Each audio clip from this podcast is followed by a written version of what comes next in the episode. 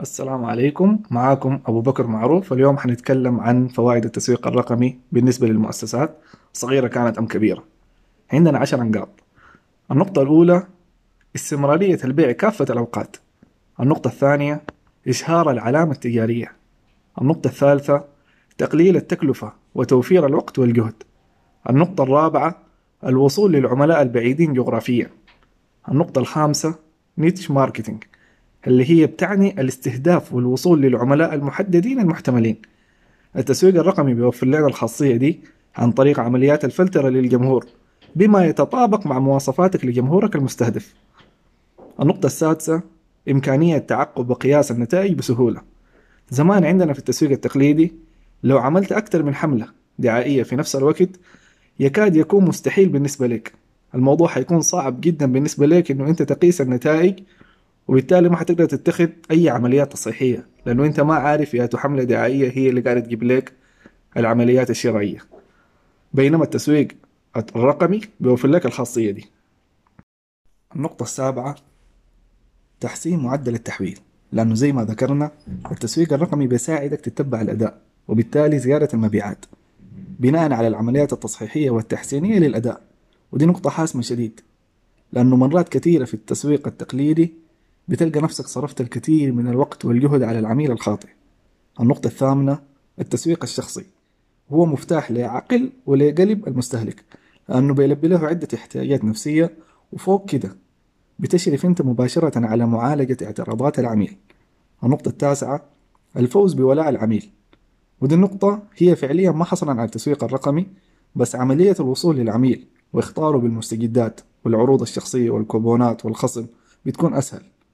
النقطة العاشرة والأخيرة زيادة التواجد على ال social media. معظم الناس بيكونوا موجودين على منصات التواصل لفترات طويلة. وفي النهاية معظم العملاء بيمروا بمراحل اتخاذ قرار شرائي نادرا الناس بتيجي تتخذ القرار من عملية اتخاذ القرار النهائي لا. الناس بتمر بعدة خطوات. وأنا بشبه الحكاية دي بفنل اللي هو بقمع. فالعميل بيمر على عدة لحظات وعدة تقلبات. بتبدأ بحاجته ورغبته الماسة لحاجة لحاجة معينة.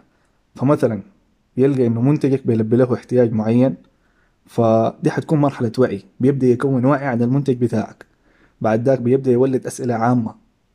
بعد ذاك بيبدأ ينتقل للمرحلة الثانية اللي هو هسه حاليا القمع بتاعنا ماشي ماشي يصغر ماشي يصغر حبة حبة لحد ما نصل للخطوة النهائية اللي هي شنو؟ عملية اتخاذ القرار النهائي. ففي المرحلة الثانية بيبدأ يستزيد من التفاصيل وبيتوسع في عملية البحث والمقارنة.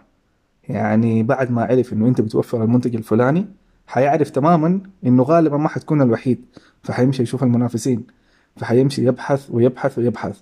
فهنا أنت دورك مفترض تجذب العميل ده عشان تخش في عملية التحويل اللي تكلمنا عنها قبل شوية.